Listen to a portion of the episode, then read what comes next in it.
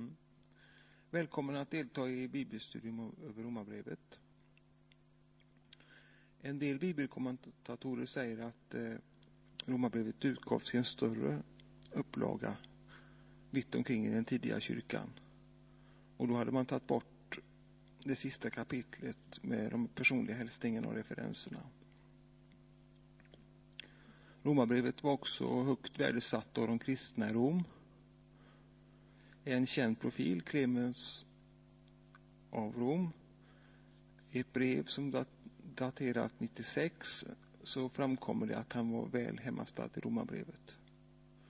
Och eh, bland de första kristna i Rom så delar man Romarbrevet i varje sammankomst man hade. Romarbrevet var också ett dokument som låg till grund för reformationen och eh, Luther skriver så här 1552. Detta brev är verkligen huvudstycket i Nya testamentet och det allra renaste evangelium. Det är värt att varje kristen av hjärtat ska känna till det ord för ord och dag för dag mätta sig med dess innehåll som ett dagligt bröd för själen. Det kan aldrig bli läst eller begrundat för mycket och ju mer man sätter sig in i det, desto dyrbarare blir det och desto bättre smakar det. Och vi hoppas det att du ska få smak för romarbrevet när vi har de här bibelstudierna. Att det ska smaka riktigt gott. Man räknar med att eh, Paulus skrev detta brev mellan 53 och 58. Han var då på väg till Jerusalem och stannade för en period av cirka tre månader i Korint. Och det hade han lite med en period då inte han var så upptagen och pressad, utan han fick tid till att skriva detta brev. Och han skrev i förväg då till de kristna i Rom som han tänkte besöka efter det att han hade varit i Jerusalem. Paulus hade då varit förkunnare och apostel i cirka 20 år. Låt oss läsa från första versen. Från Paulus, Kristi Jesu tjänare, kallad till apostel och avskild för Guds evangelium, som Gud har utlovat genom sina profeter i de heliga skrifterna. Evangeliet om hans son som till sin mänskliga natur föddes av Davids släkt och som genom helighetens ande blev med kraft bevisad vara Guds son alltifrån uppståndelsen från de döda. Evangelium om Jesus Kristus, vår Herre. Genom honom har vi fått nåd och apostlämbete för att bland alla hedna folk föra människor till trons lydnad för hans namns skull. Bland dessa är också ni som är kallade att tillhöra Jesus Kristus. Jag hälsar er alla som bor i Rom, ni Guds älskade, hans kallade och heliga. Nåd vare med er och frid från Gud, vår Fader och Herren Jesus Kristus. Jag tackar dig Herre för att du vill vara med oss och uppenbara dig mitt ibland oss. Tack för att vi får räkna med din heliga Ande, att du vill vägleda oss och visa oss hemligheterna i Romarbrevet. Tack för att du är med oss här ikväll, Herre. Tack för att du möter oss på ett underbart sätt, Herre. Tack för att vi får räkna med den heliga Ande i våra liv. Att du är mitt ibland oss, där två eller tre församlade i ditt namn. Jag prisar ditt namn. Amen. Från Paulus, Kristi Jesu tjänare och vi har ju läst och hört om hur Paulus blev omvänd. Han var ju på väg till Damaskus med fullmakt ifrån översteprästen att fängsla de kristna.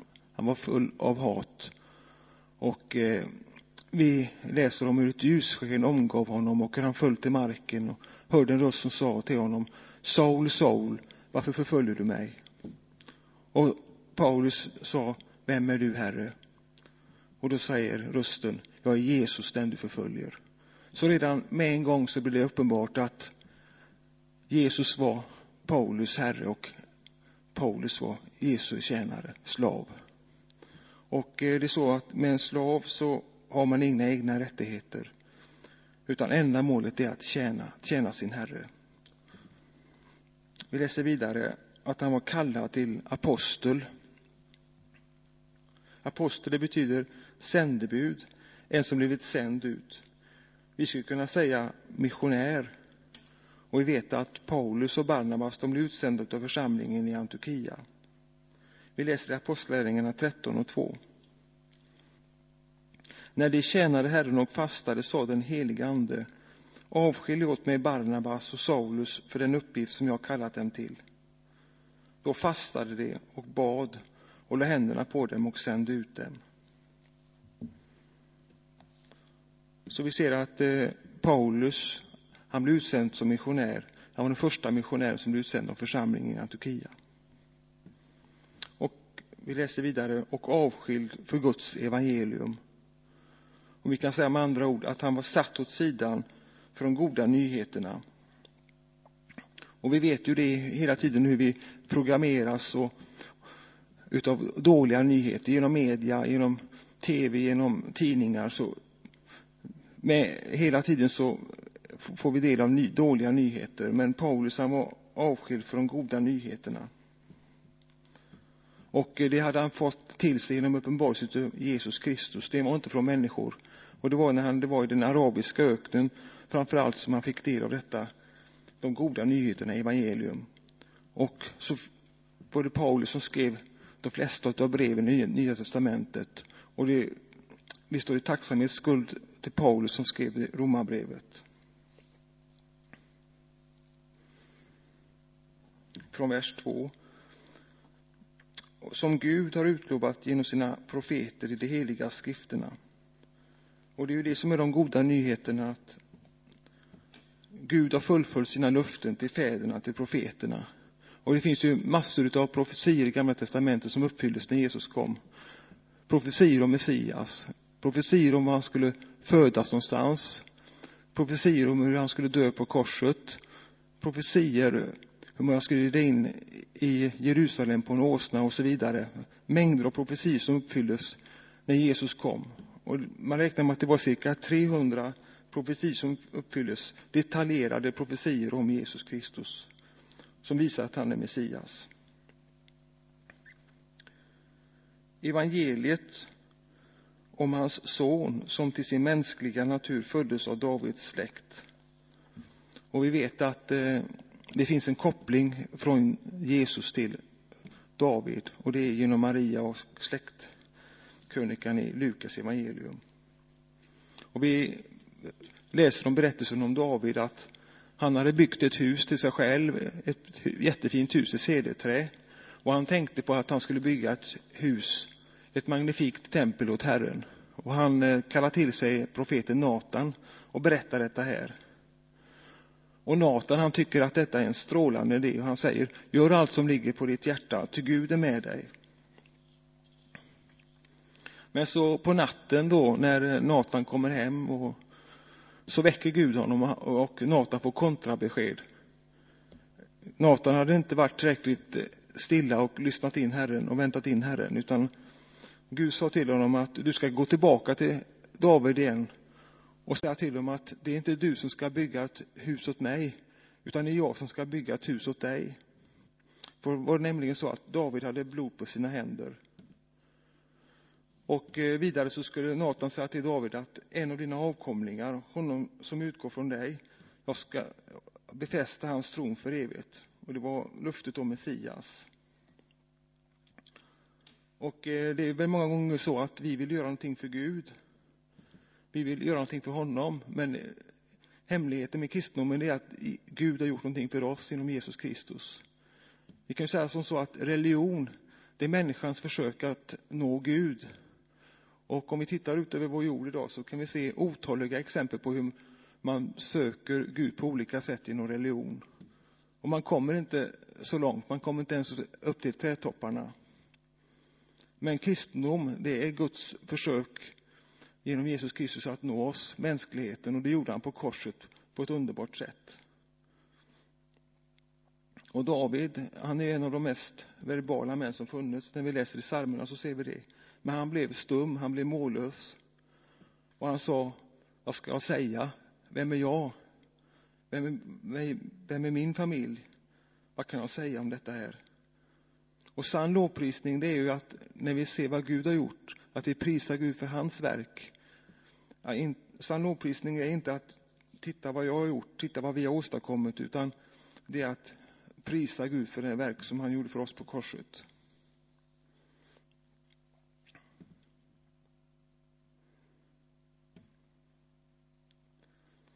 Vi läser vidare. Och som genom helighetens ande blev med kraft bevisad vara Guds son alltifrån uppståndelsen från de döda, evangelium om Jesus Kristus, vår Herre. Och i Johannes evangelium läser vi att dessa tecken har blivit nedskrivna för att ni ska tro att Jesus är Messias, Guds son. Så att tecknen, det var ett bevis på att Jesus Kristus var Messias. Och det största tecknet, det var uppståndelsen. Och vi läser vidare i, i de andra evangelierna att inget teck, annat tecken ska ges än Jonas tecken. Precis som Jonas var i den stora fiskens buk i tre dagar och tre nätter, så ska Människosonen vara i jordens inre i tre dagar och tre nätter.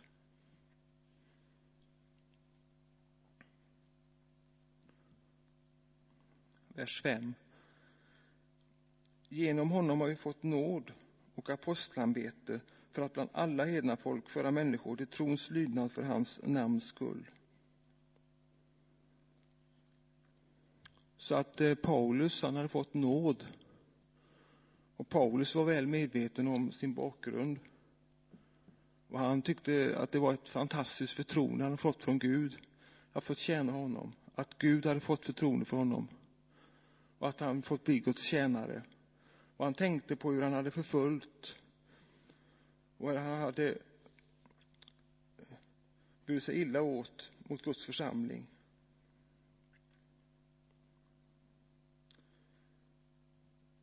Tänk att Gud har gett oss förtroende och tagit oss i sin tjänst. Vi är syndare och frälsta av nåd. Och när vi tänker tillbaka på vår historia så kanske vi inte alltid är så stolta, men tänk att Gud vill använda oss var och en. Fastän vi har burit oss illa åt, så vill Gud ta oss i, sin tjänst och använda oss och, och ge oss förtroende. Genom honom har vi fått nåd och apostelämbete. Och apostelämbete kan vi också översätta till mandat för mission. Och då tänker jag på missionsbefallningen. Det finns ett litet ord i missionsbefallningen. Det är därför. Och därför det syftar tillbaka på att Jesus har fått all makt i himmel och på jord och det är därför vi ska gå ut med evangelium. Det är därför vi ska undervisa alla människor och göra dem till lärjungar. Så att vi har fått mandat för mission. Och det var det som Paulus hade fått, mandat för mission.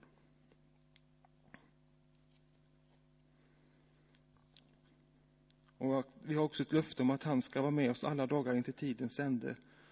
Och det är ett verk från Gud att han är med oss. Utan honom kan vi ingenting göra.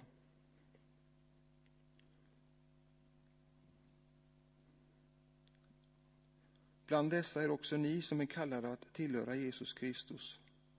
Och det är underbart att vi är kallade, kallade till att tillhöra Guds familj. Och det är osynliga band som binder oss samman, kärleksband. Det är underbart att tillhöra Guds familj.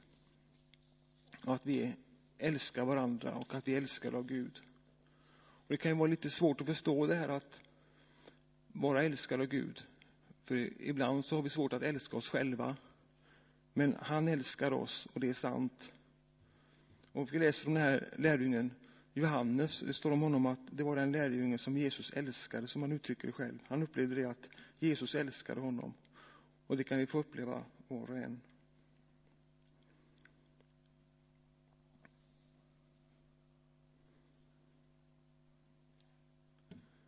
Jag hälsar er alla som bor i Rom. Ni Guds älskare, hans kallade och heliga, nåd vare med er och frid från Gud vår Fader och Herren Jesus Kristus. Hans kallade och heliga. Och eh, det är ju ett misstag man har gjort tillbaka när man har utnämnt vissa personer att vara helgon. Personer som man har sett som att de har utfört vissa bedrifter, levt ett exemplariskt liv och sen när de har dött så har man bett till dem. Det är ingenting vi finner stöd för i skriften. Utan Gud benämner oss alla som heliga som är kristna. Vi tillskrivs Jesu Kristi helighet av nåd. Det är ingenting som vi har förtjänat eller som vi har presterat själva, utan det har vi genom Jesu Kristi försoning. Nåd vare med er och frid från Gud, vår Fader och Herren Jesus Kristus. Och det blir kallat för det siamesiska tvillingparet. Och det skrivs alltid i den ordningen, nåd först och frid sen. Först får vi uppleva nåden. Vi får uppleva vila från egna gärningar, vila i Kristus, vila i hans kompletta verk. Och så kommer friden som en följd av det. Nåd först och frid sedan. Hans välsignelse kan inte förtjänas genom våra meriter eller vår godhet, utan vi får förtrösta på Jesu kompletta verk. Grunden till Guds frid är att vi upplever nåd.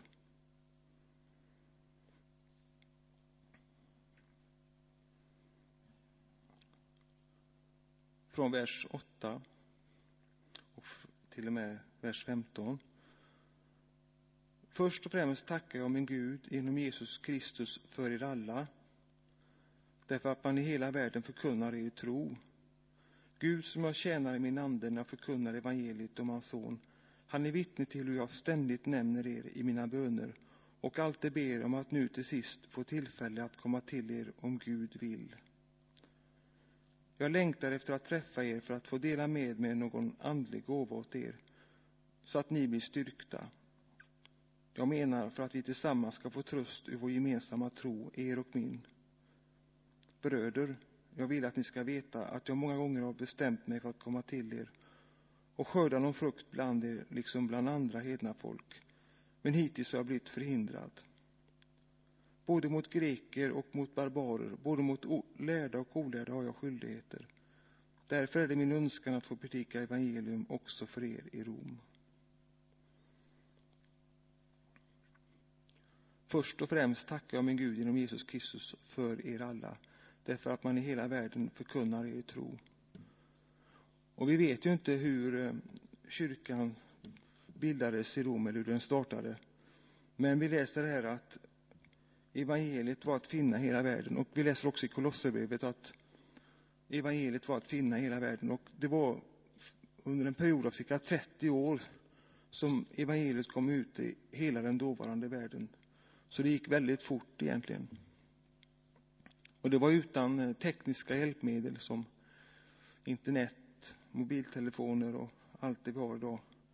Och all den tekniska, alla dessa tekniska hjälpmedel som satelliter och media.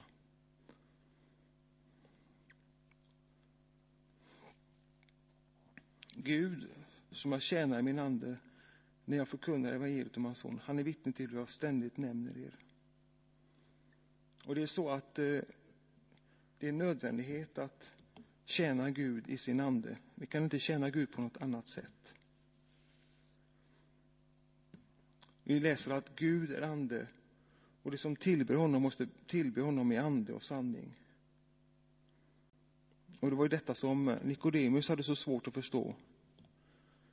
Vi läser om hur Nikodemus kom till Jesus. Och han hade ju allt inom situationstecken som människor har. Han hade ju teologisk utbildning. Han var fullfjädrad farisé. Han satt med i Sanhedrian. Och han kom till Jesus om natten. Och Jesus sa till honom att om du inte blir född på nytt kan du inte få se Guds rike. Men detta kunde inte Nikodemus förstå fastän han var en lärare. Och eh, han säger, hur kan en människa som är gammal åter komma in i sin moders liv och födas på nytt? Han kunde inte förstå detta. För att det var tvunget att förstås på ett andligt sätt, men det kunde han inte göra. För han var inte född på nytt. Han var inte en andlig människa, utan han hade bara en vanlig naturlig kunskap. Vi kan slå upp i första Korinthierbrevet 2 och vi kan läsa från vers 14.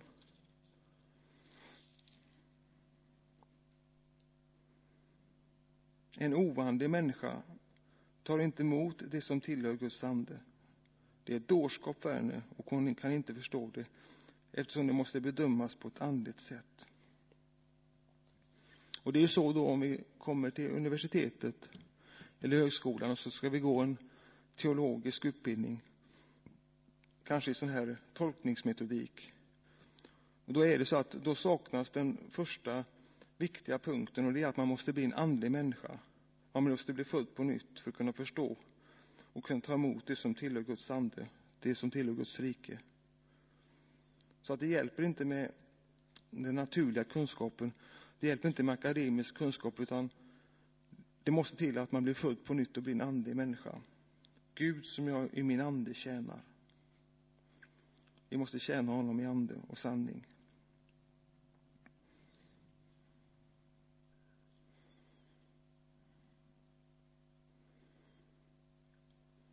Vi läste vidare här att han, han är vittne till hur jag ständigt nämner er i mina böner och alltid ber om att nu till sist få tillfälle att komma till er om Gud vill. Utifrån detta vet vi och förstår att Paulus han var en bönens man. Han bad ständigt för de heliga. Han bad för de heliga i Rom som han inte hade träffat. Och han hade ett enastående böneliv. Och det kanske var det som var hemligheten att evangeliet hade sån framgång under den första kristna tiden. Att man levde i bönen. Att det var bönen som gjorde att, det gick så, att evangeliet gick så fort ut i den dåvarande världen. Vers 11. Jag längtar efter att träffa er för att få dela med mig någon andlig gåva åt er så att ni blir styrkta. Så att syftet med att han skulle komma till Rom, det var ju för att han skulle dela med sig någonting andligt. Han kom inte dit för att titta på Colosseum, det har jag sett på, men det var inte Paulus syfte. Eller något vackert konstverk eller sådär, utan han ville träffa de kristna där. Han ville dela med sig något andligt. Han ville förmedla något andligt. Och jag tror att det är viktigt att vi har den inställningen också att vi har inte kommit, vi är inte, det är inte för att vi ska bli betjänade utan vi, vi ska tjäna Herren i positiv bemärkelse. Och eh, om vi läser den här gyllene regeln då, vi hörde ju den i, eh, om den i förmiddags. Allt vad ni vill att människor ska göra, det ska ni göra dem. Så kan vi lägga märke till det att om vi, om vi går till buddhismen då så, så står det inte, nästan likadant men inte riktigt. Va, vad ni inte vill att andra ska göra er, det ska ni inte göra dem. Och det är en viktig skillnad här.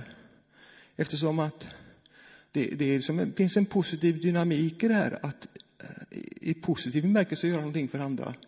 Det ni vill att andra ska göra, det ska ni göra dem. Att ge vidare på något sätt. Men, men, eh, men det här att ni ska inte göra mot andra som inte de gör mot dig, e-, er. Det blir ju mer att man sitter nästan och väntar på att mer avvaktande hållning. Och det är ju genialiskt av Jesus när han, när han säger detta här eftersom att om vi tittar i Gamla Testamentet så finns det här ordet inte med hela tiden, men han tar bort inte. Eh, för det, när vi läser i budordet så står det att du ska inte stjäla, du ska inte mörda, du ska inte och så vidare. Men han säger att vad ni vill att andra ska göra mot er, det ska ni göra mot dem. Detta är lagen och profeterna. Så att han snor det till att bli till en positiv dynamik.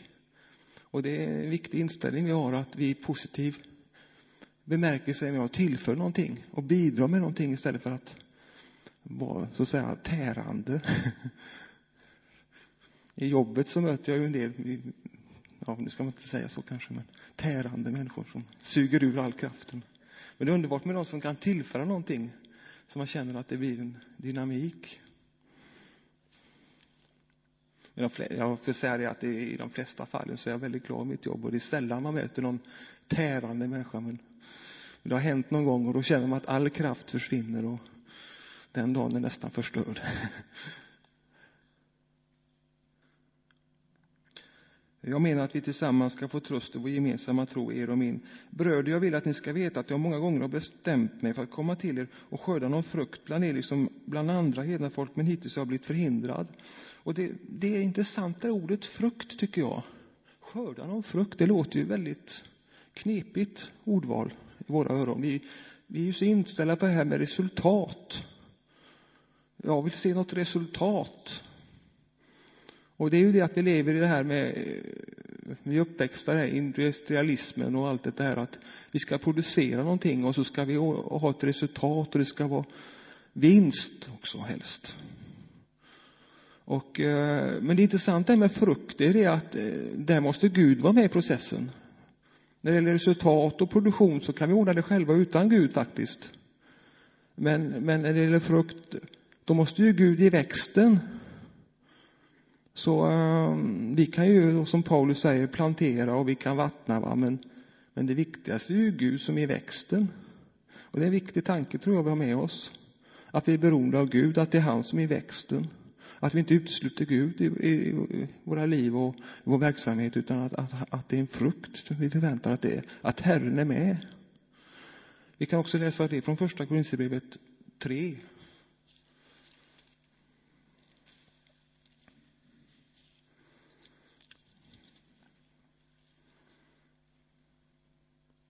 Tre och sex. Och det är egentligen ganska tydligt faktiskt. Väldigt tydligt. Eller vi kan läsa från vers fyra till och med.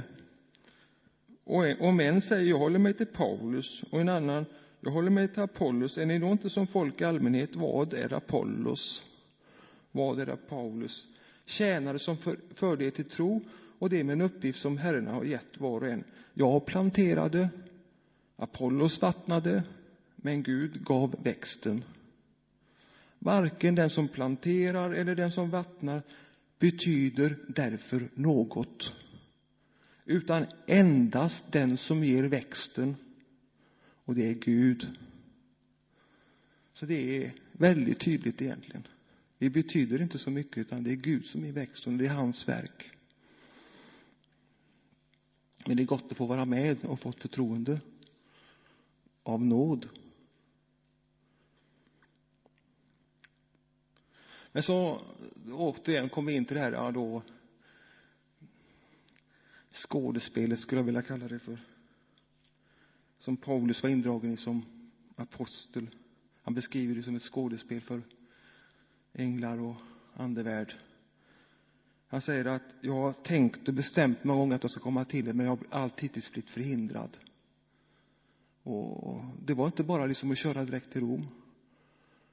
Eh, det var inte raka spåret till Rom. Och även, även som så att, fastän vi vet att eh, senare och efter han skrivit det här, att Gud kom ju på natten till honom och sa att som de vittnat för mig i Jerusalem så ska du också vittna för mig i Rom. Så vi vet att det var Guds vilja att han skulle till Rom. Men det var inte raka spåret. Eh, han hade ju då varit i Jerusalem och vittnat för judarna. Han hade ju haft detta sinnet att han skulle dit. Och så gick det ju som det gick. Det gick inte så jättebra alltså för Paulus när han vittnade för judarna i Jerusalem. Utan det blev upplopp. När han talade om att Gud hade sänt honom bort, långt bort till hedningarna, då, då var det ju kalabalik. Och man höll på att lyncha honom. Och vakten fick ju komma och rädda honom så att inte han blev dödad. Och han, han eh, 40 män bestämde sig för att de skulle ta livet av Paulus. De gick ed på det. De skulle inte äta något förrän de hade haft död på honom. Ehm, så det var lite motigt, får man säga minst sagt. Jag tror nog att han tyckte det var deppigt, jobbigt. Det var natt när Gud sa till honom att precis som du, eh, och Gud kom till honom på natten och det var nog natt i dubbel bemärkelse. Det var nog mörkt för Paulus. Men, men, men då kommer Gud mitt i natten och säger till honom att som du har vittnat för mig i, i Jerusalem så ska du också vittna för mig i Rom. Men det gick inte spikrakt dit i alla fall. Det var mm, märkliga vägar hur Gud arrangerar detta här. På ett sätt som inte Paulus kunde kontrollera på något sätt. Paulus blev förd till Caesarea Filippi. Där var han i två år efter detta här. Två år. Och sen efter det så blev han då alltså eh, skickad, eh, han har vädjat till kejsaren, skickad som fånge till, till Rom på den här dramatiska sjöresan och hela båten kom ju, följer, eller gick ju sönder och blev i stycken och det blev ju bara brädor kvar av båten i det här eh, ovädret. Och han kom in på Malta och allt det här. Och jag menar, det är, det är intressant egentligen alltså. Det var inte bara att fara till Rom fastän Gud hade sagt det. Och det är inte, det är inte alltid så spikrakt allting, tror jag. Och vi vill vara ledda av Herren. Han har blivit förhindrad. Han blev förhindrad allt vidare också. Men han kom dit när Gud hade tänkt det. Och Gud för oss ju samman, tillsammans med personer i sin tid, med dem vi ska träffa på ett helt underbart sätt. Och det kan vi läsa om i hela Bibeln. Jag tänker på en annan intressant person, det är Jona. Han, han eh, begav sig åt helt fel håll. Han skulle till Nineve, som Gud hade tänkt. Han begav sig till Tarsus, var det Tarsus, va? Och eh, han, blev, eh, han slängde sig i havet till slut för att det blev som oväder. Och så kom han i fiskens buk då. Det var en tre dagar och tre nätter som vi nämnde om förut. Men den här fisken spottade ju upp honom precis dit han skulle komma, till destinationen Nineve. Så att det var ju liksom mitt i prick på något sätt. Alltså. Gud är ju suverän i sitt handlande. Och ibland blir det inte som vi har tänkt oss riktigt, va? Men, men Gud gör det på sitt sätt. Och vi kan läsa om det. Det är så många, jag tycker det är som jag har sett det här gång på gång i Bibeln. Försynens Gud. Jag tror vi har tappat den biten lite grann.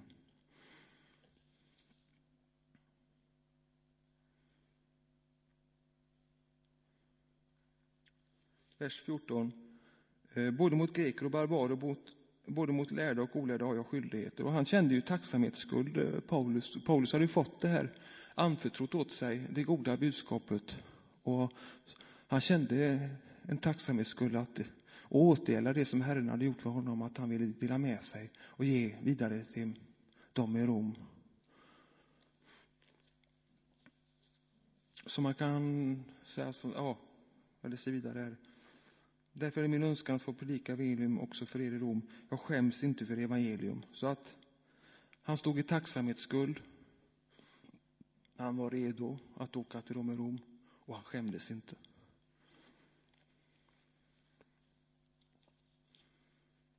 Eh, vers 16 och 17 är då. Jag skäms inte för evangelium.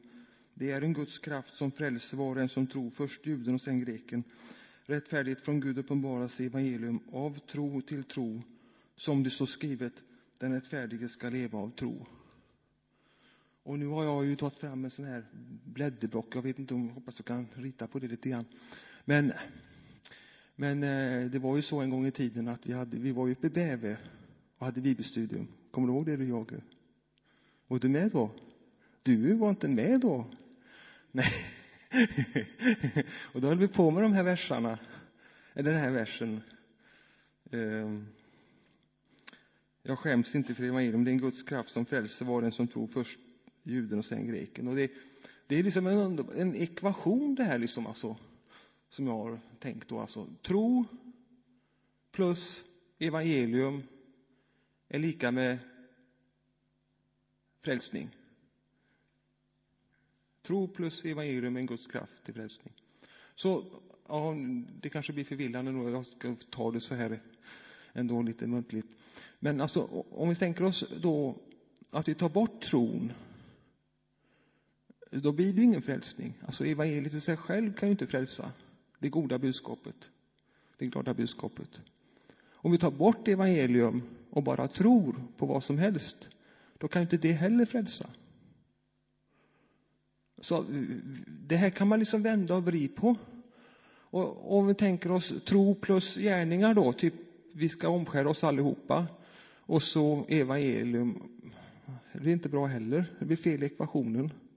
Utan vi får ha det så här enkelt, tro plus evangelium lika med frälsning.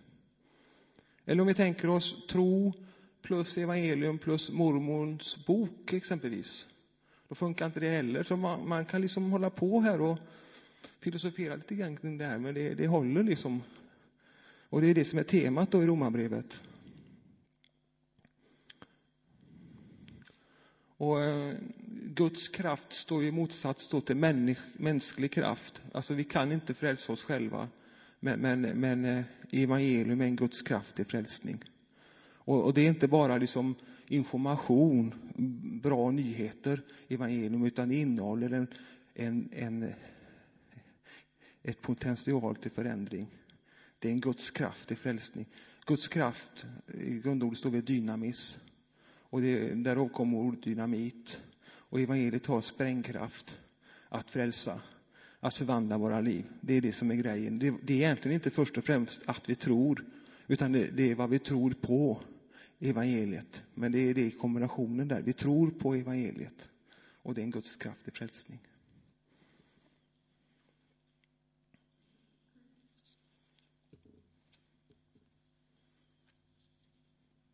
Vi läser i vers 17, rättfärdigheten från Gud uppenbaras i evangelium.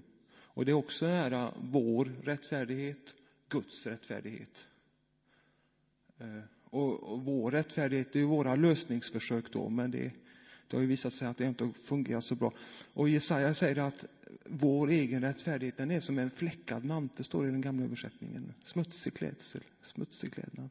Så till och med det att våra försök att fixa till det, liksom, det är smutsigt det också.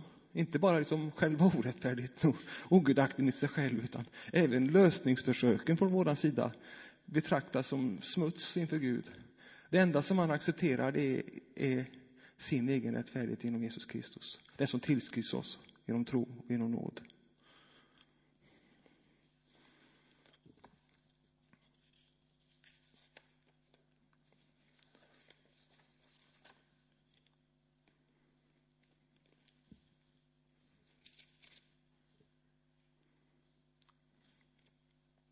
Rättfärdighet från Gud uppenbaras i evangelium av tro till tro, som det står skrivet.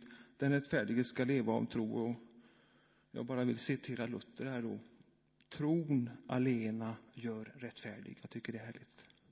Tron alena gör rättfärdig. Endast tron gör rättfärdig. Och så säger han, otron är den enda synden.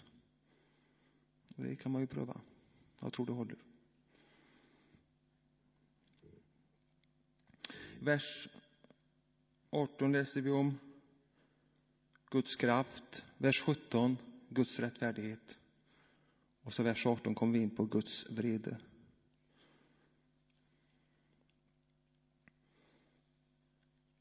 Och då läser jag. Guds vrede uppenbaras från himlen över all ogudaktighet och orättfärdighet hos människor som i orättfärdighet undertrycker sanningen. Det man kan veta om Gud är uppenbart bland dem. Gud har ju uppenbarat det för dem. Ända från världens skapelse ses och uppfattas hans osynliga egenskaper, hans eviga makt, gudomliga natur genom det verk som han har skapat. Därför är det utan ursäkt. Fastän de kände till Gud prisade de honom inte som Gud eller tackade honom utan förblindades av sina falska föreställningar så att mörkret sänkte sig över deras oförståndiga hjärtan. De påstod att de var visa, men de blev dårar. De bytte ut den odödliga Gudens härlighet mot bilder av dödliga människor, av fåglar, fyrfotadjur, kräldjur. Därför utlämnade Gud dem så att de följde sina egna begär och bedrev allt slags otukt och förnedrade sina kroppar. De bytte ut Guds sanning mot lögn och tog sig för att dyrka och tjäna ett skapare istället för skaparen, han som är välsignad i evigheter. Amen. Därför utlämnade Gud dem till skamliga lidelser. Deras kvinnor bytte ut det naturliga umgänget mot det onaturliga. På samma sätt övergav männen det naturliga umgänget med kvinnan och upptändes av begär till varandra. Män bedrev otukt med män och fick själv ta det rättvisa straffet för sin förvillelse. Och eftersom de inte ansåg att det var vara något värt att ha kunskap om Gud utlämnade Gud dem åt ett ovärdigt sinnelag så att de gjorde sådant som är mot naturen.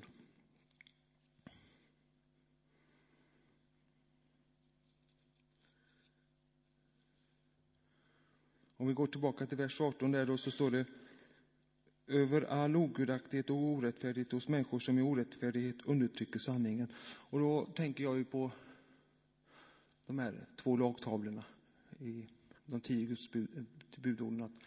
det först var det en, en stentavla som talar om vårt förhållande till Gud och det handlar om, om eh, ogudaktighet, försyndelse mot Gud. Och sen var det en stentavla som handlar om vår relation till medmänniskor. Och det är orättfärdigheten. Det är försyndelse mot medmänniskan.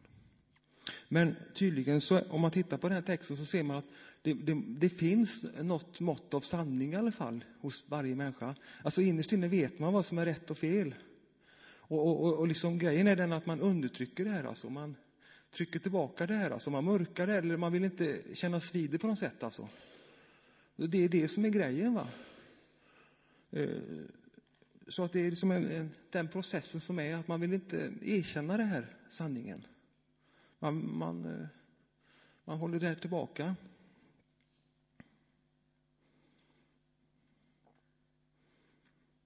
Det man kan veta om Gud, läste vi i vers 19, är uppenbart bland dem. Gud har uppenbarat det för dem. Ända från världens skapelse ses och uppfattas hans osynliga egenskaper, hans eviga makt och gudomliga natur genom det verk som han har skapat. Därför är det utan ursäkt. Alltså det är massor med eh, lampor som blinkar.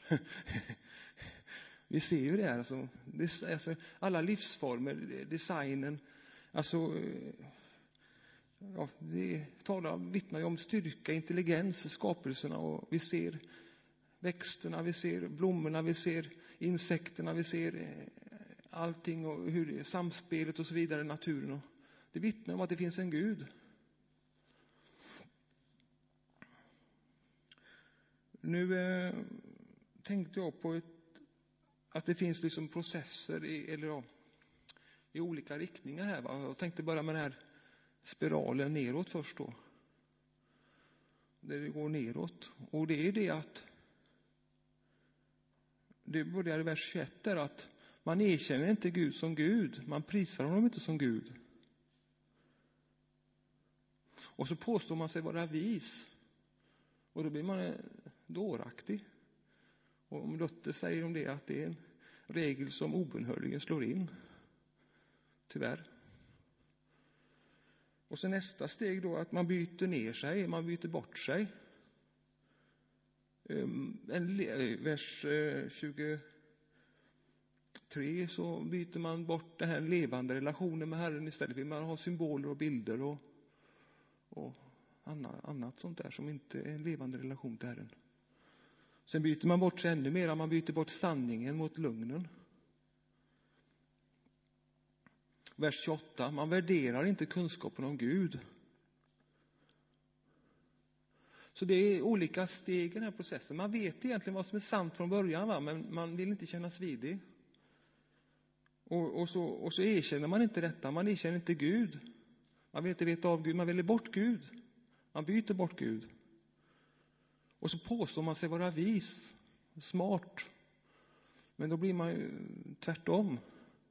Det är väldigt dåraktigt att säga att det inte finns en Gud. Det är det dummaste man kan säga egentligen. Och inte säga att man är vis. Det, det säger emot sig själv, det hör ni ju. Och så står det då tre gånger att Gud utelämnar dem. Tre gånger står det. Vers 24.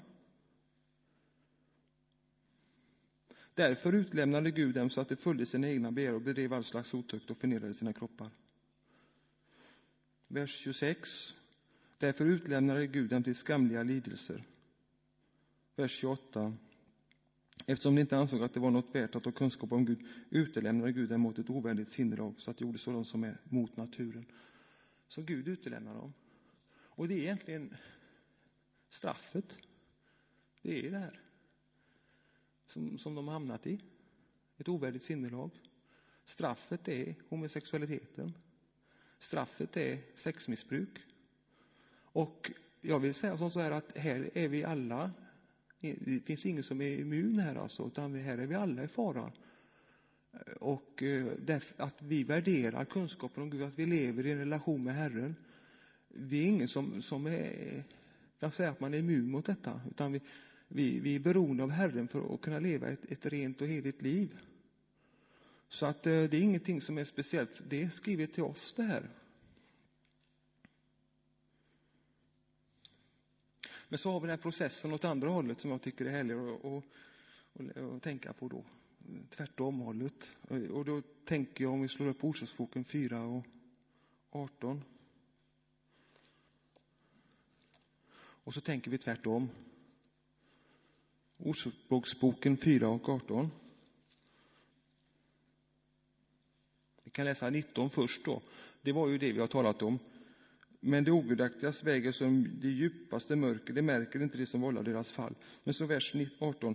Det rättfärdiga stiger lik gryningens ljus som växer i klarhet till dess dagen når sin höjd. Det var väl mycket härligare att läsa, va? det går uppåt och det går framåt. Vi kommer närmare Herren. Man kan säga att det första det var ju från dåligt till ännu sämre kan man säga. Riktigt dålig spiral neråt. Men det här är från bra till bättre. Förbättring, närmare Herren. Och eh, nu samlas vi ju till förbättring här när vi samlas kring Guds ord. Vi, vi får uppbyggelse. Så eh, vi väljer tillbaka, vi väljer Herren. Vi omvänder oss till Gud. Vi om, vi omvänder oss dagligen till Herren. Vi söker honom dagligen. Vi lever i en levande relation till honom. Vi väljer eh, ljuset framför mörkret. Vi väljer sanningen framför lugnen. Vi väljer glädje framför elände och misär. Vi väljer vishet, Guds vishet istället för dårskap. Den vishet som kommer ovanifrån genom Guds heliga Ande. Vi räknar inte oss själva som kloka. Och så upprättar Gud oss på allt sätt. Gud upprättar oss. Underbart, va?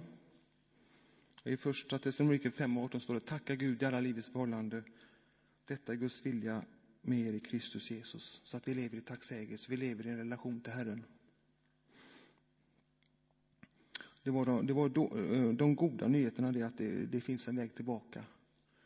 Och vi sjunger i en sång, står det eh, så här att jag byter dig bort en skatt jag fått för miljoner jag mår så gott. Härligt. Eh, men återigen tillbaka en liten snutt till de dåliga nyheterna. Vi läser i vers 29 då. Jag ska försöka så att vi slutar med de goda nyheterna, men vi får ha en liten snutt med de dåliga nyheterna igen. Då. Det är, är lite olika sidor här av myntet. Mm. De har blivit uppfyllda av all slags orättfärdighet, ondska, girighet, elakhet. De är fulla av avund, modlust, stridslystnad, svek, illvilja. De skvallrar och förtalar, de hatar Gud, brukar våld, de skrävlar och skryter och tänker ut allt ont, de lyder inte sina föräldrar och är oförståndiga och trolösa, kärlekslösa och hjärtlösa. Sådant gör de, fastän de mycket väl känner till Guds rättvisa dom, att de som handlar så är värda döden. Ja, de samtycker också till att andra gör det. Och eh, det är viktigt att inte vi samtycker till detta. Och då tänker jag på det som serveras oss i filmer och i tv och så vidare. Att inte vi sitter och har vår nöje och vår njutning i det här. I otrohet och våld och kriminalitet och gå med i det här utan vi, vi, vi tar avstånd från det som är vårt liv, att vi lever för Herren, rent och heligt. Och jag vill eh, sluta med att läsa från psalm 1. Och ett litet vittnesbörd om i fredags. Jag var nämligen på kräftfest med mina arbetskamrater. De är väldigt eh, schyssta och goa och vi har en jättefin gemenskap. Men eh, i psalm 1 så står det Salig är den som inte följer det ogudaktigas råd, inte går på syndares väg eller sitter bland bespottare, utan har sin glädje i Herrens undervisning och begrundar hans ord dag och natt. Han är som ett träd planterat vid vattenbäckar, vilket bär sin frukt i rätt tid och vars blad inte vissnar. Allt vad han gör lyckas väl. Underbart. Och eh, ja, det var ju trevligt. De var jättegoda. Men det var ju vin och det var likör och det var det ena med det andra. Och, ja, så tänkte jag, nu åker jag hem. Så att jag slapp att sitta med det här. Det gick bra till en stund så, men sen var det bra. Och jag är väldigt tacksam att jag slipper att leva i den tomheten som de lever i. Och det skriker ju tomhet. Jag var på en jätteflott en flott lägenhet med panoramautsikt över hela Göteborg, som man såg hela Göteborg och Svisseberg och alltihopa. Och, men det var tomt och själlöst. Och, och, och, så här, och jag förstår inte hur de kan finna sin glädje i det där. Och, I det materialistiska, det ytliga och det tomma. Och, och så vill man ha roligt och så vidare. Tänk att få leva med Herren istället. Det var, det var skönt att åka därifrån faktiskt. Men det var, skönt, eh, ja, det var inte otrevligt att vara där. Alltså, jag, jag, jag är mån om min kontakt med mina arbetskamrater och har väldigt bra arbetskamrater så det är inget illa sagt om dem. Men det är en skillnad mellan den som är frälst och inte frälst. Och, och eh, det blir ju ändå att vi får göra en bedömning. Är det någon idé att sitta kvar i detta här?